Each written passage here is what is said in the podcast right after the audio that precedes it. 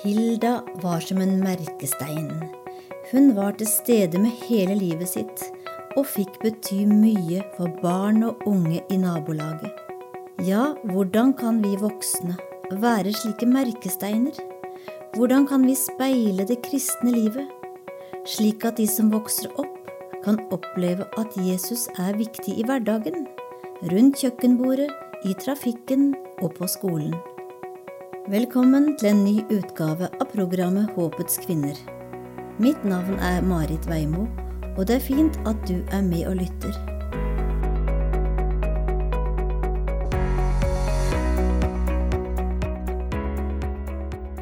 I dag er det Britt Kari Urdal som er gjest. Hun er mor, og hun er bestemor. Hele livet har hun drevet med formidling til barn, annet gjennom medieklubben Superblink. Når vi lever med Jesus, vil vi så gjerne formidle den kristne troen til nye generasjoner. Men det er ikke bare enkelt. Britt Kari Urdal har gjort seg mange tanker om dette temaet, og vi møter henne i samtale med Elisabeth Lillebø Z. Jeg tenker ofte på um, ei dame som heter Hilda, som bodde i den bygda som jeg vokste opp i. Hun bodde i et lite hus, hun arbeidet full jobb i gartneri, hun var skilt, det var jo en uvanlig ting på den tida i et bedehusmiljø. Hun hadde flere barn som hadde flytta ut, stor familie, men likevel så samla hun ungdommene i bygda til yngres i huset sitt, til bønnemøte, og med i musikklaget. Hun var en sånn person som, som så oss som var unge, og som brydde seg om oss på en helt spesiell måte. Og um, jeg tenker det må ha kosta hun ganske mye. Hun hadde sikkert ikke mye fritid, hun hadde sikkert ikke mye penger, hun hadde sikkert Ja, det var sikkert mange ting som ikke lå til rette for at hun skulle gjøre det hun gjorde. Men uh, hun var nok veldig glad i Jesus, og så ville hun at vi som var yngre òg skulle bli glad i han. Så hun var ei sånn dame som ikke drog stigen opp etter seg, men som uh, hjelpte oss som kom etterpå, å uh, gå på himmelveien, da. Og um, og det tenker jeg har vært veldig, veldig fint og viktig for meg nå i, i seinere tid. Jeg var ikke sånn når jeg vokste opp at jeg var så opptatt av åndelige spørsmål og hadde mange jeg snakket med og lurte på og sånn. Jeg, jeg, var nok ikke sånn, og jeg ikke var så flink til å snakke om åndelige ting oppigjennom. Det er noe jeg måtte øve meg litt på, faktisk. Og hjemme hos oss gjorde vi heller ikke det. Det var, var jeg fra en god heim med kristne foreldre, og, og vi gikk masse på bedehuset på møte og, og, og sånt. Eh, men akkurat det å snakke om, om, åndelige ting var ikke vi så var litt sjenerte for det, kanskje. Det var i annen tid. Så det er viktig å sette ord på ting og, og få liksom klart for seg sjøl hvorfor tror jeg på Jesus. Og, og, det er viktig å hjelpe barna våre til òg, tenker jeg. Så det er noe jeg måtte ha lært meg til litt i voksnere alder.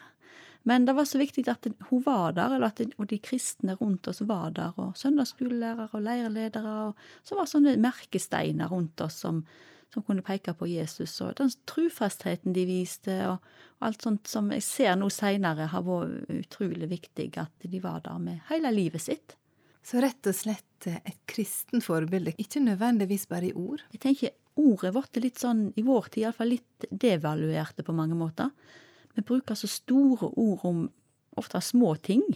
I love you. Yes. og hjertesmileys. ja.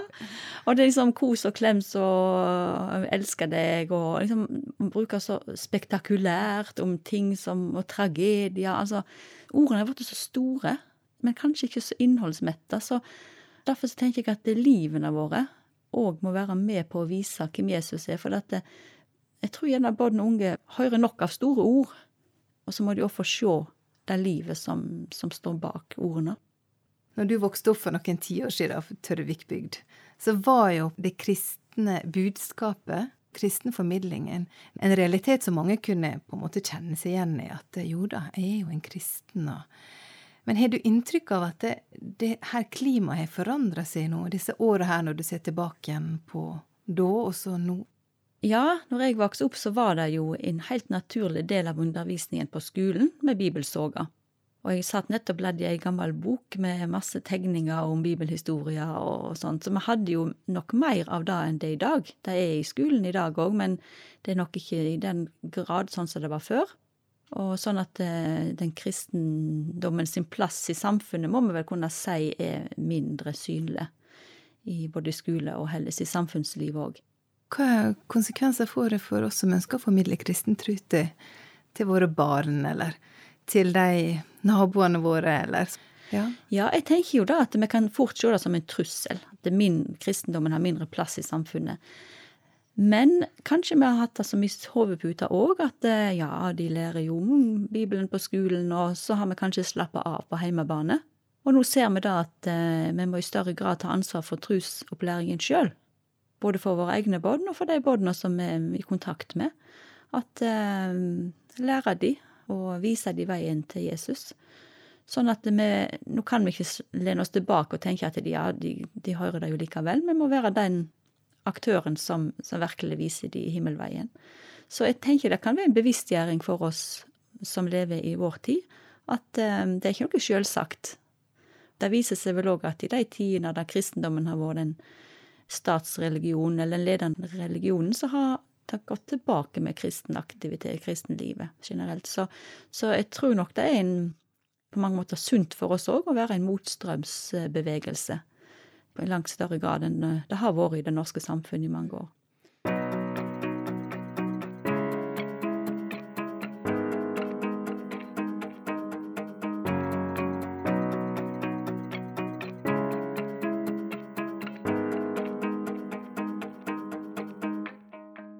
Tilbake til det du snakker om med å være et kristent forbilde. Mine barn, ofte når vi skal på søndagsskole, så får jeg høre at ah, jeg kan historiene fra mm. før. Jeg har ja. hørt det før. Heldige de er. De er jo heldige. Ja.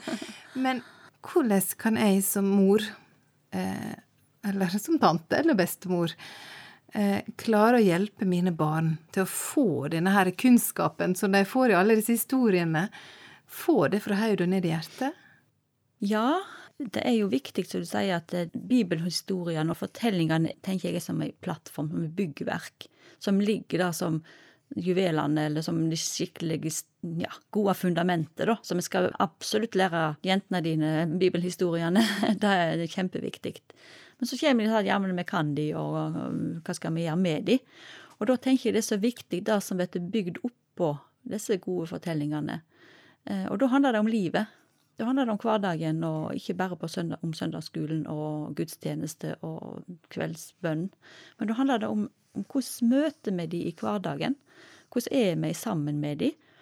I femte Mosebok så står det et uh, vers som er skrevet til israelsfolket, da. Så står det Så bær disse orda mine i hjerte og sinn, bind dei om handa som et teikn, og bær dei på panna som et merke. Lær dei videre til barna dykkar, Snakk om dem når du sitter hjemme og når du går på veien, når du legger deg og når du står opp. Skriv dem på dørstolpene i huset ditt og på portene dine, står det i 5. Mosebok 11. Og dette her er jo altoppslukende, sant. Det handler jo om fra du står opp til du legger deg, og alt imellom der. Og jeg tenker, det kan jo høres fryktelig stressende ut. Å, må jeg snakke om Gud hele veien? men, men etter da kommer dette med livet i så veldig inn, da. Altså Sånn som jeg refererte til Hilda, som brukte av sin tid og sine penger og sin alt. Altså, hun viste med livet sitt at dette var viktig. Mm. Og, og da tenker jeg vi òg har et kall til å gjøre. At eh, hjemme rundt kjøkkenbordet, når vi sitter og prater om klassekamerater eller naboer eller familien, hvordan ordlegger vi oss da? Bærer vi Guds ord i hjertet sin? Er det Snakker vi varmt om folk? Takker vi for at vi har gode naboer? Takker vi for at vi har eh, gode venner? Fellesskapet vi hører til i menigheten, eh, er vi opptatt av at ikke all lovsangen er like fin, og at gardinene er stygge, og at det eh, er tørre kjeks? Eller snakker vi godt om det som skjer der, om de som går der? Når du står opp og står på bad om morgenen og er trøtt og litt guffen og bleik, og hvordan omtaler du kroppen din? Går du, snakker du om at 'uff, nei, nå er jeg for feit', eller 'nå er nesa mi skulle være annerledes'? Hvordan modellerer du et kristent menneskesyn? Takker du for at tenk, denne kroppen virker i dag òg. Jeg er sånn som Gud hadde tenkt at det skulle være. Så er du med på å modellere Guds skaperverk inn i båndene.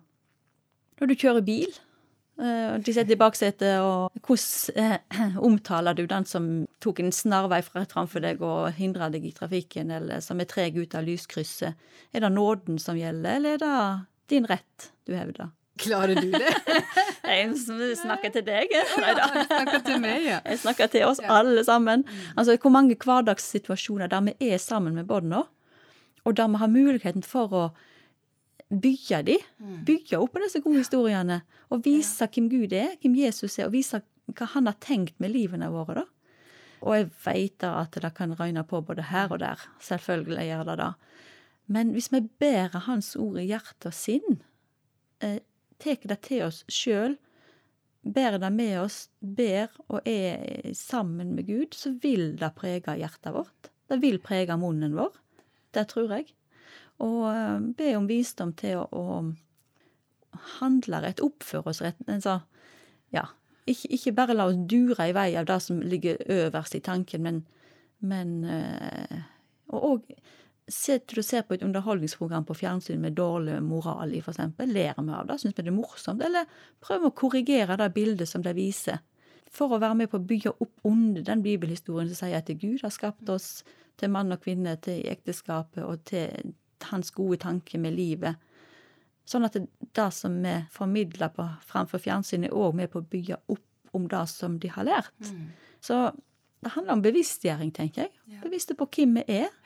Vi er Guds kongebarn, kongebarn. Eh, Gud til far og Jesus til herre i livet vårt.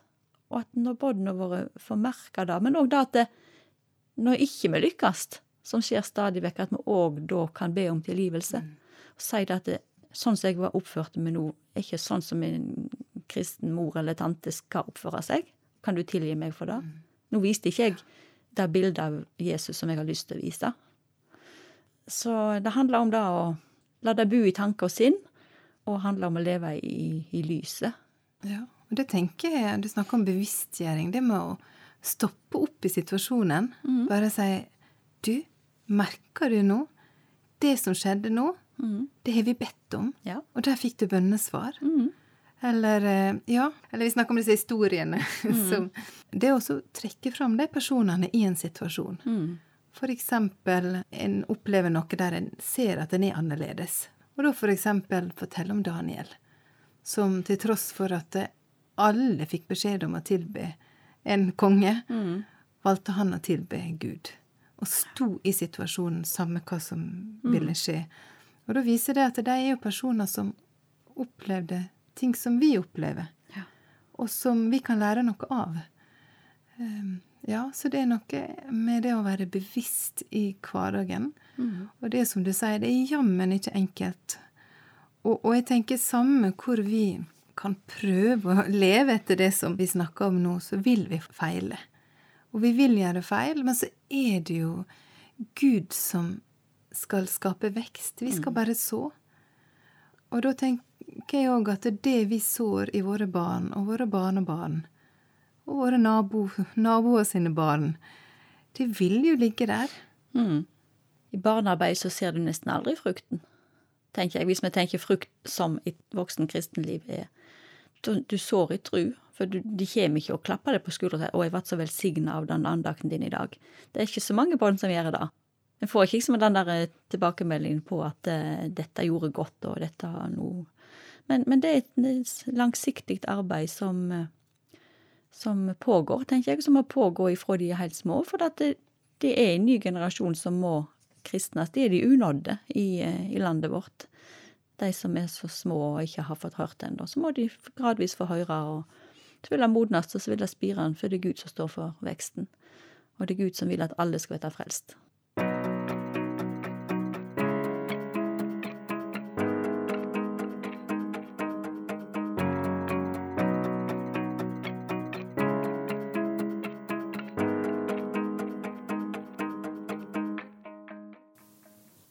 Har hørt Britt Kari Urdal i samtale med Elisabeth Lillebø Seth. Etter å ha hørt denne samtalen var det som denne sangen og teksten av Anders Vassbotn ble så levende og aktuell igjen. Å leva, det er å elska, det beste de sjel fikk nå. Å leva, det er i arbeid mot rikare mål og tråd. Å leva, det er i livet å finna det største verd, å leva, det er å vinne til sanning i all si ferd. Å leve, det er å legge all urett og lygn i grav. Å leve, det er som havet, og spegla Guds himmel av. Kjære himmelske Far. Takk at vi kan få kalle deg far. Takk for at du har gitt oss en slik dyrebar oppgave, at vi skal få speile din himmel av for nye generasjoner. Kjære Hellige Ånd, hjelp oss til å leve vårt liv så gjennomsiktig som du vil vi skal leve, slik at vi kan være sannheten tro i all vår ferd, og at vi kan legge urett og løgn i grav. Og hjelp oss til å holde fram nåden i møte med våre medmennesker. Kjære Jesus, i dag ber vi for de barna som vi har rundt oss, både i familien, i nabolag og i menigheten. Vi legger dem i dine hender. Vi ber om visdom, slik at vi som er voksne, kan være gode forbilder, ja, solide merkesteiner for barna som vi har rundt oss.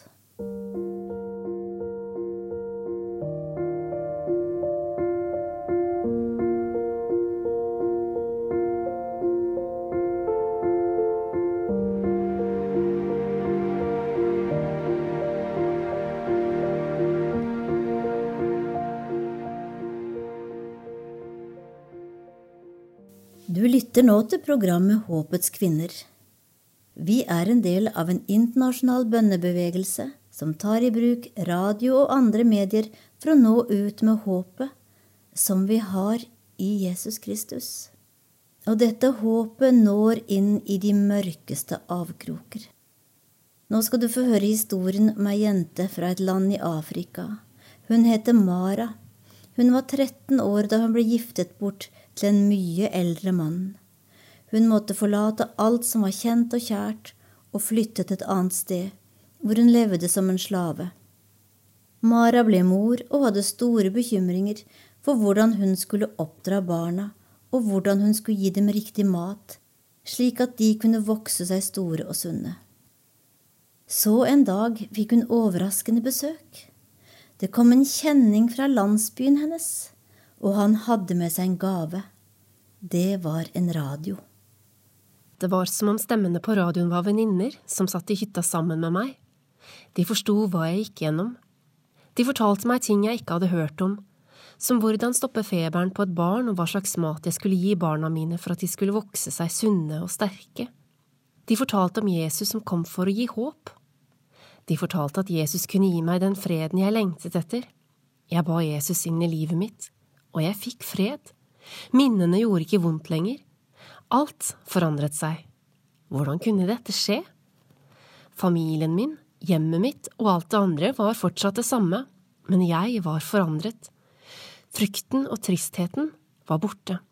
Sinnet som hadde gjort livet mitt så mørkt, var borte. Tårene som vette puta mi når jeg skulle sove, var også borte. Jeg forsto at det måtte være Jesus som hadde flyttet inn i hjertet mitt. Jo mer forandret jeg ble, jo gladere ble barna mine, og jo mer jeg lærte om hvordan jeg skulle ta vare på de, hva slags mat de skulle få, hvordan jeg skulle snakke til de, vise de omsorg, jo friskere og sunnere ble de. Alle rundt meg merket forskjellen. Takk for at de er der, de stemmene på radioen, som er så nære, så kjærlige, og som har endret livet til meg og barna mine. Det var Merete Bø som leste den norske oversettelsen av historien om Mara. Da vil vi takke for i dag. Takk for at du har vært sammen med oss og lyttet til Håpets kvinner. Før vi avslutter, skal vi dele Herrens velsignelse med hverandre.